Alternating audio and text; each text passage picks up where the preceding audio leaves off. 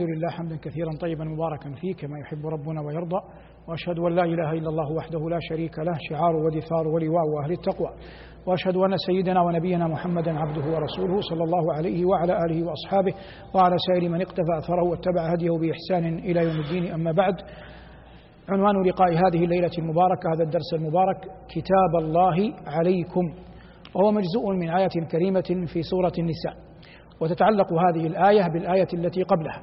ولذلك سنفسر هاتين الآيتين في لقاءين متتابعين إن شاء الله. اللقاء الأول منهما هذا واحد منه. ونسميه كتاب الله عليكم واحد. ثم نأخذ إن شاء الله الجزء الثاني في الدرس الذي يليه. قال رب العزة حرمت عليكم أمهاتكم وبناتكم وأخواتكم وعماتكم وخالاتكم وبنات الأخ وبنات الأخت وأخواتكم من الرضاعة وأمهاتكم اللاتي أرضعنكم. وأمهات نسائكم وأمهات نسائكم ثم قال جل ذكره يبين المحرمات بالمصاهرة. قال وأمهات نسائكم وربائبكم اللاتي في حجوركم. من نسائكم اللاتي دخلتم بهن فإن لم تكونوا دخلتم بهن فلا جناح عليكم. وحلائل أبنائكم الذين من أصلابكم وأن تجمعوا بين الأختين إلا ما قد سلف. إن الله كان غفورا رحيما. والمحصنات من النساء إلا ما ملكت أيمانكم. كتاب الله عليكم وأحل لكم ما وراء ذلكم. أن تبتغوا بأموالكم. محصنين غير مسافحين فما استمتعتم به منهن فآتوهن أجورهن فريضة ولا جناح عليكم فيما تراضيتم به من بعد الفريضة. إن الله كان عليما حكيما. هاتان آيتان متتابعتان في سورة النساء. قلنا إننا سنتدارسهما في لقاءين متتابعين.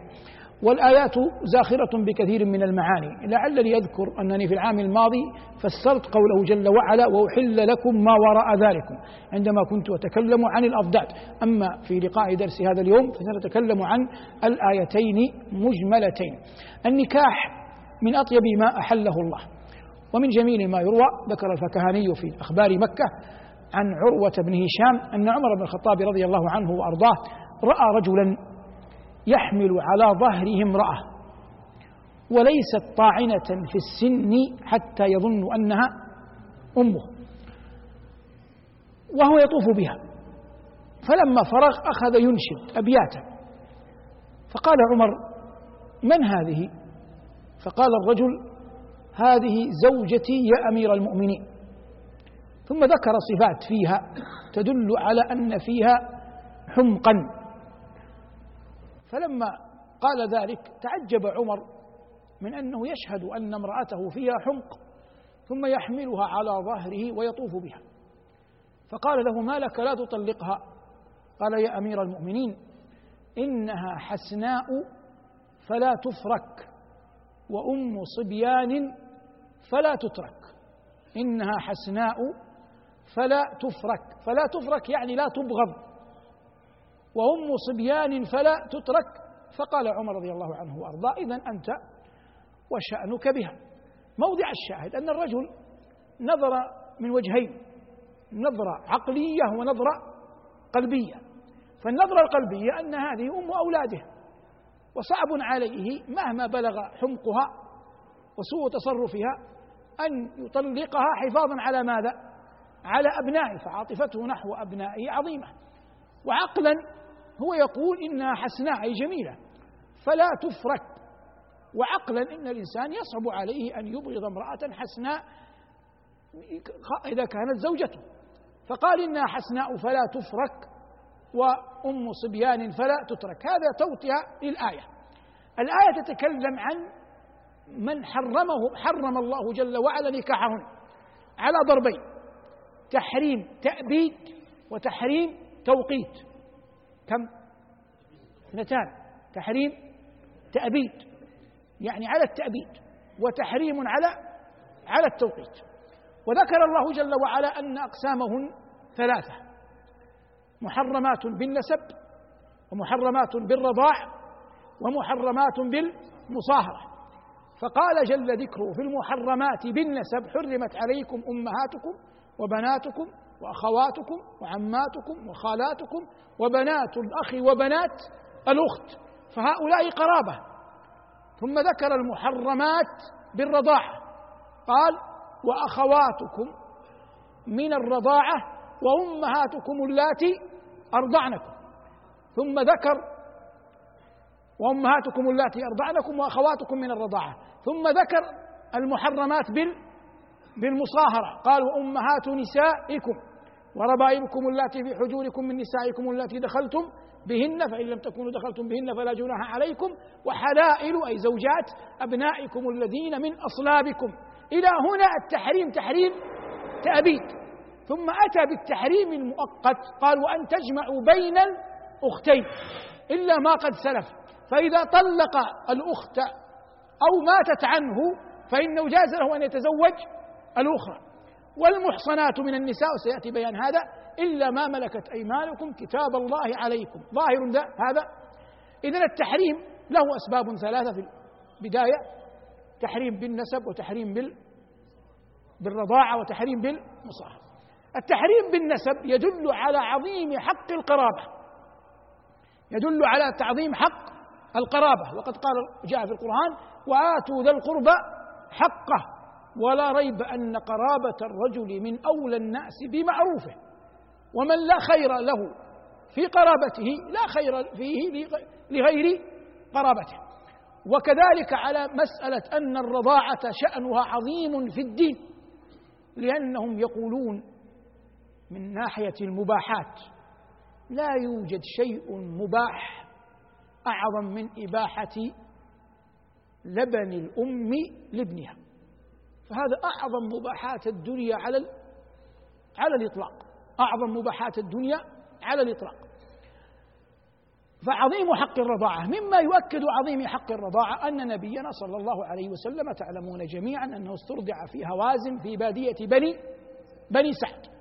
فلما كان يوم حنين قاتلته هوازن. ثم نصر الله نبيه ويوم حنين إذ أعجبتكم كثرتكم. ثم انتهى انتهى الأمر إلى أن الله نصر نبيه نجم عن النصر السبي. نجم عن النصر ماذا؟ السبي. فأخذوا السبي فوضع في حاجز يسمى آنذاك باللغة يسمى حظائر. يوضع فيها السبي. فبعثت هوازن رجالا منهم يخاطبون النبي صلى الله عليه وسلم في أمر هؤلاء السبي. منهم رجل يقال له صرهد وهو من بني سعد الذين رضع فيهم النبي صلى الله عليه وسلم فهذا الرجل أتى وله دالة على النبي فقال يا نبي الله إن اللواتي في في الحواضر في الحظائر عماتك وخالاتك وحواضنك اللاتي كن يكفنك فسكت صلى الله عليه وسلم. وانتهى الأمر بعد أخذ وعطاء كلام مع المهاجرين والأنصار وبقية الناس أن النبي صلى الله عليه وسلم رد سبي هوازن كله ولم يأخذه. إكراما لمن؟ عجيب إكراما لبني سعد لأنه رضع في في بني سعد. فعد رضاعته في بني سعد معروفا وطوقا في عنقه حرره صلى الله عليه وسلم بأنه رد عليهم سبيهم واضح؟ إذا عقل هذا فإن من اللؤم بمكان أن يتنكر الإنسان لبلد نشأ فيها. والعرب كانت تعد في جاهليتها هذا من أعظم اللؤم أن يأتي الإنسان عونا لعدو بلاده على أهله وبلده. قال لبيد بن ربيعة عفت الديار محلها فمقامها. بمنا تأبد غولها فرجامها هذا مطلع معلقته. وأخذ يردد يقول قصيدة طويلة من المعلقات ومفاخر العرب إلى أن قال وهم العشيرة أن يبطئ حاسد أو أن يصير مع العدو لئامها. وهم العشيرة أن يبطئ حاسد أو أن يصير مع العدو لئامها. فعد الصيرورة مع العدو عونا على أهلك من أعظم أنواع اللؤم من أعظم أنواع اللؤم ودلالة على أن هذا الرجل الذي يصنع هذا عياذا بالله لا خير فيه البتة. وكلنا يعلم ويرى ويشاهد من كفأت عليه الأحداث اليوم. مما لا يرتاب أحد في مقصوده. حتى الذين لا يعلمون إلا أبجديات السياسة يفقهون ما الذي يراد مما يحصل شرقا وغربا وشمالا وجنوبا. وبلاد نشأنا فيها وسمعنا آذانها وصلاتها وخطونا إلى مساجدها وأقام الله جل وعلا التوحيد في قلوبنا على أرضها أولى وأحرى وأحق أن نحرص على ألفتها وجمع كلمتها وعدم شق عصا الطاعة فيها. وأن نعلم يقينا أن العدو أيا كان لا مكن الله له. لو قدر أن يدخلها سيبدأ بمن أعانه قبل من حاربه. سيبدأ بمن أعانه قبل من أحاربه. لا جعل الله لأهل الضلالة في بلادنا موطئا.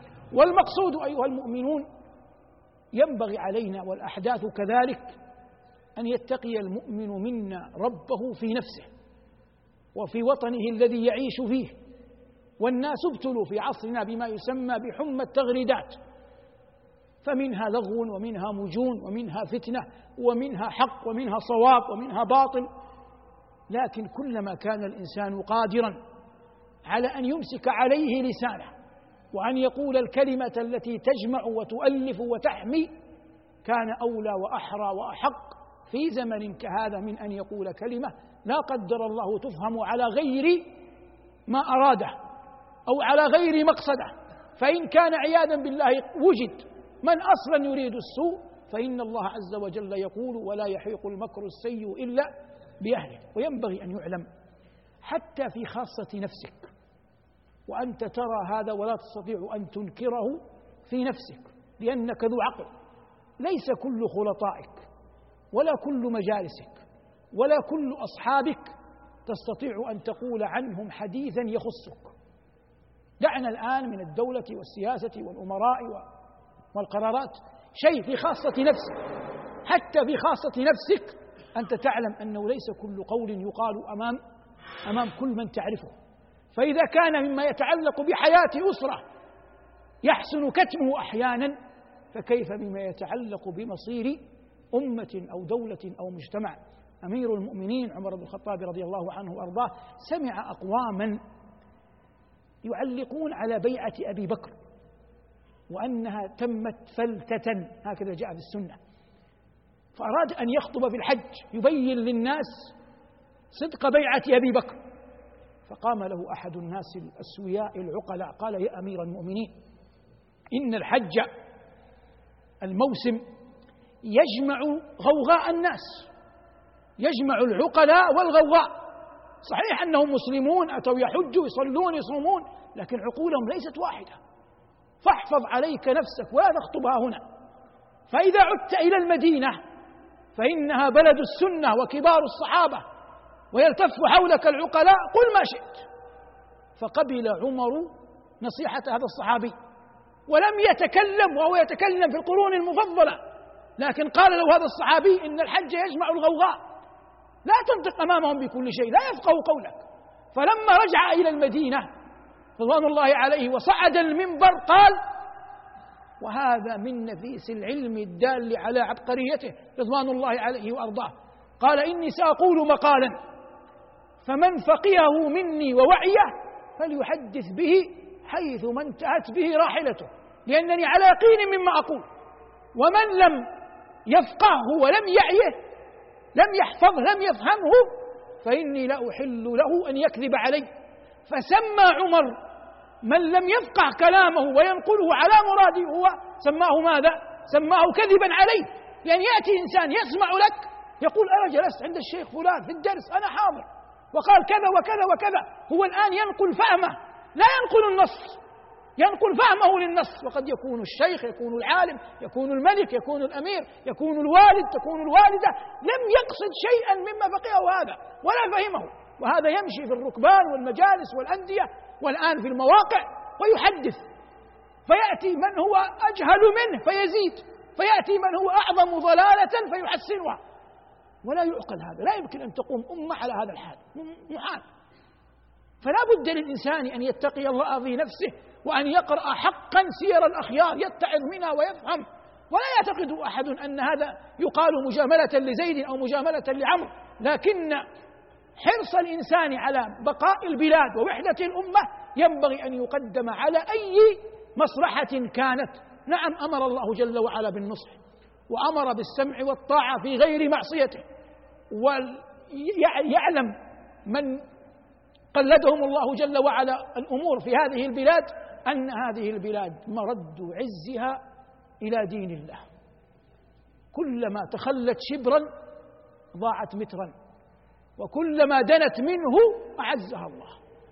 ولا يمكن أن تقوم لأي بلد قائمة حقا شرعيا إلا على الدين. هارون الرشيد لما جعل علي بن عيسى واليا على خراسان على الري وأراد أن يودعه قال له يا علي اتق الله يعطفني عليك ولا تعص الله فيسلطني عليك. يا علي اتق الله فيعطفني عليك ولا تعص الله فيسلطني عليك.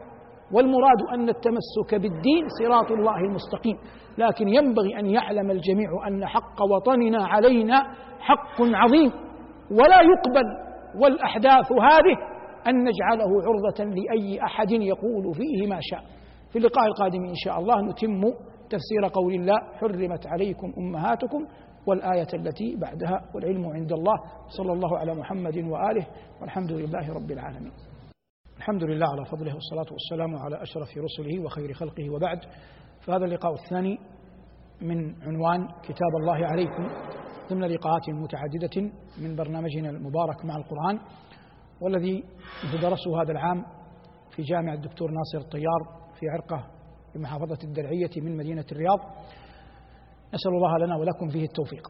في اللقاء الأول تحدثنا تاريخيا مستقاة فوائد تاريخية مستقاة من قول الله جل وعلا حرمت عليكم أمهاتكم وقلنا إن العنوان العام كتاب الله عليكم. الآن نتدارسها فقهيا وإيمانيا. قال رب العزة حرمت عليكم أمهاتكم بدأ بالأمهات لعظيم حقهن وجليل مكانتهن وعظيم حرمتهن الأمهات جمع أم أيا كانت أقوال أهل الصرف فيها وتكلفهم لكن هناك والد وهناك والدة وهناك ثلاثة حقوق وهناك حق الثلاثة لمن؟ للوالدة والحق لمن؟ للوالد فيما أنا أسألكم فيما يجتمع الوالد والوالدة.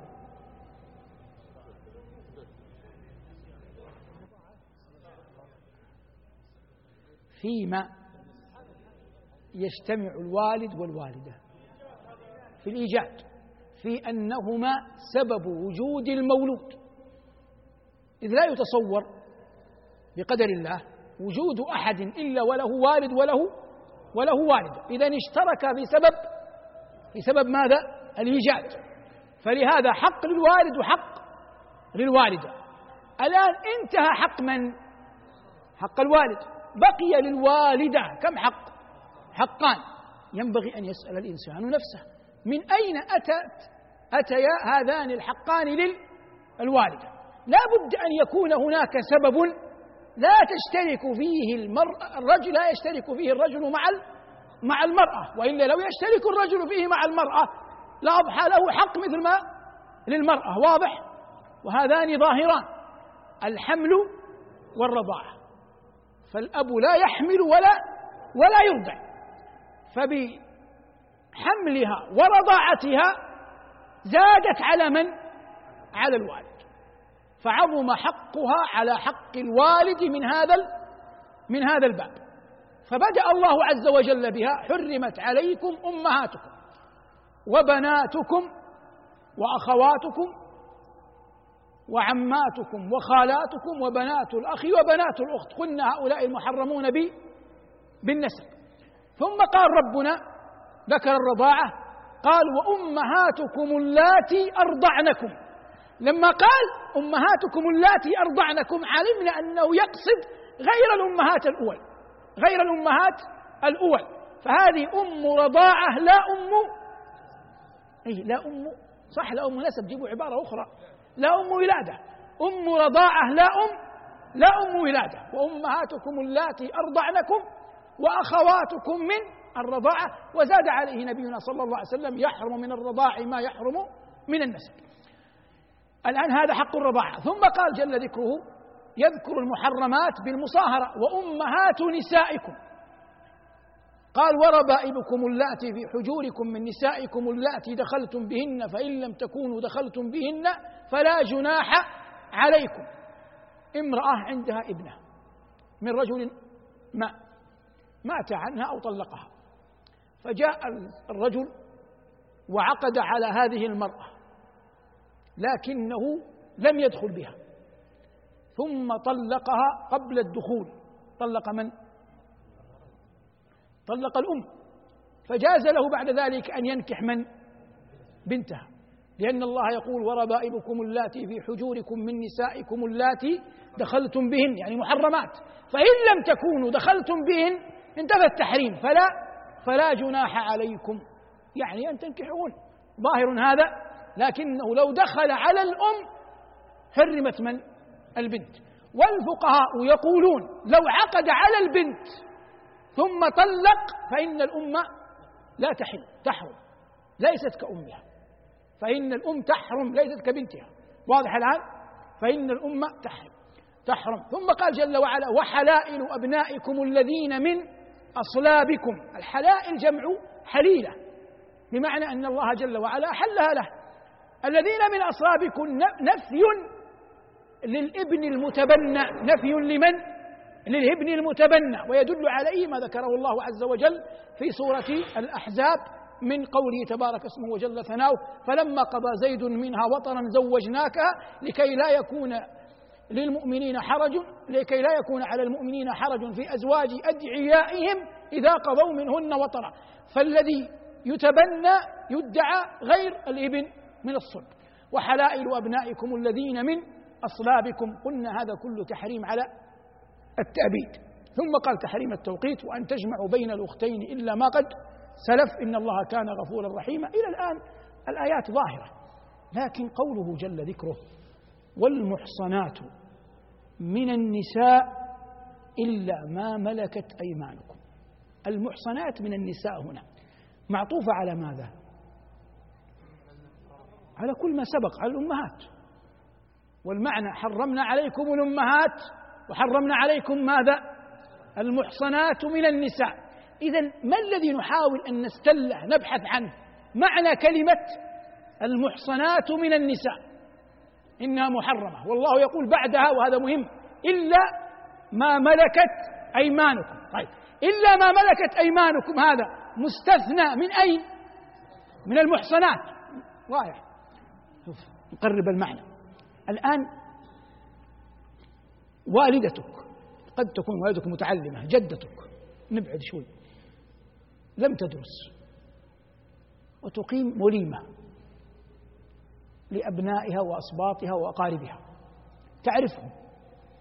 كل ما جاءت تقرب الغداء العشاء قالت اجتمعوا قال أحدهم أحد الأبناء أحد الأحفاد قال حضرنا جميعا إلا خالدا.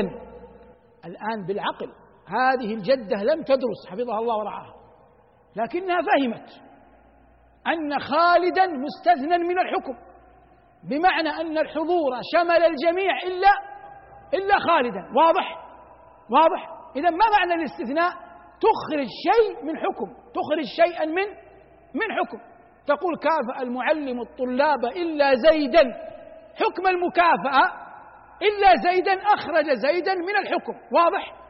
ربنا يقول والمحصنات من النساء إلا ما ملكت أيمانكم. معنى الآية إلا ما ملكت أيمانكم مستثنى من ماذا؟ من حكم تحريم المحصنات من النساء. إلى الآن أنا لما أقول ما معنى المحصنات من النساء ما معنى المحصنات من النساء؟ المتزوجات من النساء. المتزوجات من النساء. قد يقول قائل هذا أصلا ما يقبل. معروف إن المرأة المتزوجه لا أحد يريد أن يتزوجها لكن ستفهم إذا فهمت الآية جيدا. الله يقول والمحصنات من النساء أفادت أمرين. الأمر الأول أن المرأة لا يجوز شرعا أن تكون في ذمة رجلين. وهذا استقر عليه أعراف الناس قديما وحديثا في جميع الملل. لكن قوله تعالى إلا ما ملكت أيمانكم يبين لك الأمر. متى تبتدئ المرأة أن تكون ملك يمين؟ مشايخ. في الجهاد إيه وين؟ وضح. في الأسر. في السبي. إذا سبيت أصبحت ملك يمين. معنى الآية أن السبي يرفع حكم الزوجية. السبي يرفع حكم الزوجية. يصبح ما معنى الآية؟ معنى الآية نأتي به بالسنة. جويرية بنت الحارث. هذه من؟ أم المؤمنين. النبي صلى الله عليه وسلم غزا بني المصطلق. وكان زوجها اسمه مسافع. فوقعت في السبي. وزوجها حي لم يطلقها. لكن وقوعها في السبي ألغى حكم حكم الزوجية. فأصبحت في السبي ملك يمين فاعتقها النبي صلى الله عليه وسلم أعان على عتقها ثم تزوجها. واضح؟ واضح الآن؟ فيصبح معنى الآية المرأة المتزوجة لا سبيل لك عليها توقيتا معطوف على وأن تجمع بين الأختين. واضح؟ لكن إذا كانت عن طريق السبي فإن السبي يرفع حكم الزوجية فتصبح ملك يمين فتحل. لأن إلا قلنا استثناء وقلنا إن الاستثناء يرفع ماذا؟ يرفع الحكم. قلنا في موضوع الجدة موضوع النجاح أنه يرفع الحكم. فيصبح معنى الآية والمحصنات من النساء لا سبيل لكم عليهن أن تتزوجوهن إلا أن تكون سبيا فإن السبي يرفع حكم الزوجية حتى تفهم لماذا شرع الله هذا. لا يمكن أن يكون هناك دين حتى يكون هناك ماذا؟ ناس. والدين لا يوجد ناس ما يوجد دين. النبي عليه الصلاة والسلام قال يوم بدر اللهم إن تهلك هذه العصابة فلن تعبد في الأرض أبدا. يعني إذا ماتوا هؤلاء ما في أحد يعبدك. واضح الآن؟ إذا ما وجد ناس ما يوجد ما يوجد دين. حتى يحمي الله عصبة المؤمنين. عظم هذا الأمر. وهو أمر كيف تغلبون أعداءكم من أهل الأوثان. كيف عظمه؟ العرب الغير فيها إلى أبعد حد؟ وكان الإسلام أين وقت ذاك؟ في المدينة. وجزيرة العرب كلها كافرة. لو تكالبت هذه الجزيرة كلها على المدينة العدد معهم. فحتى يرتدعوا ولا يأتوا المدينة أباح الله لنبيه وللمسلمين أنهم إذا سبوا من الكفار حل لهم أن يتزوجوهم. فالعرب تخشى السبة تخشى العار. كلما جئت أنت جاء أحد من قريش للعرب تعالوا معنا نغزو المدينة. ما الذي يحسبه العربي؟ يخاف أن يغلب فيسبى فيسبى أهله فيصبح حلالا لمحمد وأصحابه فيرتدع. شاء هذا الحكم في جزيرة العرب. فلما شاء هذا الحكم في جزيرة العرب لم يجد الناس قوة ولا بحثا في أنهم يوافقوا قريش في كل ما تقول ويغزون جزيرة المدينة التي هي مدينة رسول الله صلى الله عليه وسلم. واضح؟ فكان هذا الحكم حفاظا على وحدة المسلمين لكن ينبغي أن يفهم القرآن حقا أن الآية تتكلم عن كفار صريحي الكفر. مو يأتي إنسان للمسلمين يرفع عليهم السيف ويكفرهم ثم يستبيح دماءهم ويستبيح نساءهم. هذا من أبين الباطل وأعظم الضلال. لكن الآية تتكلم عن كفار. إذا قيل لهم لا إله إلا الله يستكبرون ولا يؤمنون بالشهادتين لا أولاها ولا أخراها ولا يقيمون الصلاة ولا يعترفون بلا إله إلا الله ولا بأن محمدا رسول الله. لم يدخلوا الإسلام طرفة عين. ولو قلت لأحدهم إنك مسلم لأبى. وقال أنا صابئ لا أريد الإسلام. هؤلاء هي تتحدث الآية عن هؤلاء. لا تتحدث عما يظهر في أزمنة متعددة وأحقاب متنوعة من غير ذلك. فقال جل وعلا والمحصنات من النساء إلا ما ملكت أيمانكم كتاب الله عليكم. هذا عنوان الحلقة. أي الزموا كتابه الزموا هديه الزموا شرعه. وأحل لكم ما وراء ذلكم. أي هؤلاء هن المحرمات. وما سوى ذلك لكم لكم معشر المؤمنين أن تنكحوهن. وأحل لكم ما وراء ذلك أن تبتغوا بأموالكم محسنين غير مسافحين فما استمتعتم به منهن فآتوهن أجورهن فريضة والآية تتحدث عن عن المهر. ولا جناح عليكم فيما تراضيتم به من بعد الفريضة بمعنى أنك أن الرجل اتفق مع أهله على أن المهر مثلا ثلاثون ألفا. ثم بعد أن تزوجها ودخل بها قال لها حبذا لو جعلت المهر أقل لسوء حالي وقلة ذات يدي وما أشبه ذلك فلو وافقت فإن الله يقول ولا جناح عليكم فيما تراضيتم به من بعد من بعد الفريضة. إن الله كان عليما حكيما. والمقصود ها هنا ذكر ما بيناه. من قضية أمر النكاح في دين الله تبارك وتعالى. والآية إذا ضمت إلى غيرها هذا في المحرمات إذا ضمت إلى غيرها من الآيات التي ذكرهن الله عز وجل في كتابه العظيم عن النكاح علم أن النكاح من أعظم المباحات. قال الأول فإن كان النكاح أحل شيء فإن نكاحها عمرا حرام فطلقها فلست لها بكفء وإلا يعلو مفرقك الحسام. هذه شواهد نحوية لا تشغل بالك بها لكن أنا أريد أن آتي المقطع الذي يقول فيه. فإن كان النكاح أحل شيء لأن النبي صلى الله لأن الله جل وعلا يقول فانكحوا ما طاب لكم من النساء. وقد اختلف الناس في قضية التعدد هل هو أولى أو أن يبقى الإنسان على امرأة واحدة. والذي يظهر لي من كتاب الله وسنة نبيه صلى الله عليه وسلم والأنبياء من قبله. وقد قال الله عز وجل أولئك الذين هدى الله فبهداه مقتدي أن التعدد أولى وأحرى وأولى وأقرب إلى السنة. لكن لا يلزم به كل أحد ولا يلزم أن يأتيه كل من يراه حقا. لكن لا ريب أن إحياءه فيه حفاظ لكثير من أخواتنا المؤمنات اللاتي لم يكتب الله لهن بعد الزواج. هذا ما تيسر إراده وتهيأ إعداده وعان الله على قوله صلى الله على محمد وآله والحمد لله رب العالمين. لو أنزلنا هذا القرآن على جبل لرأيته خاشعا.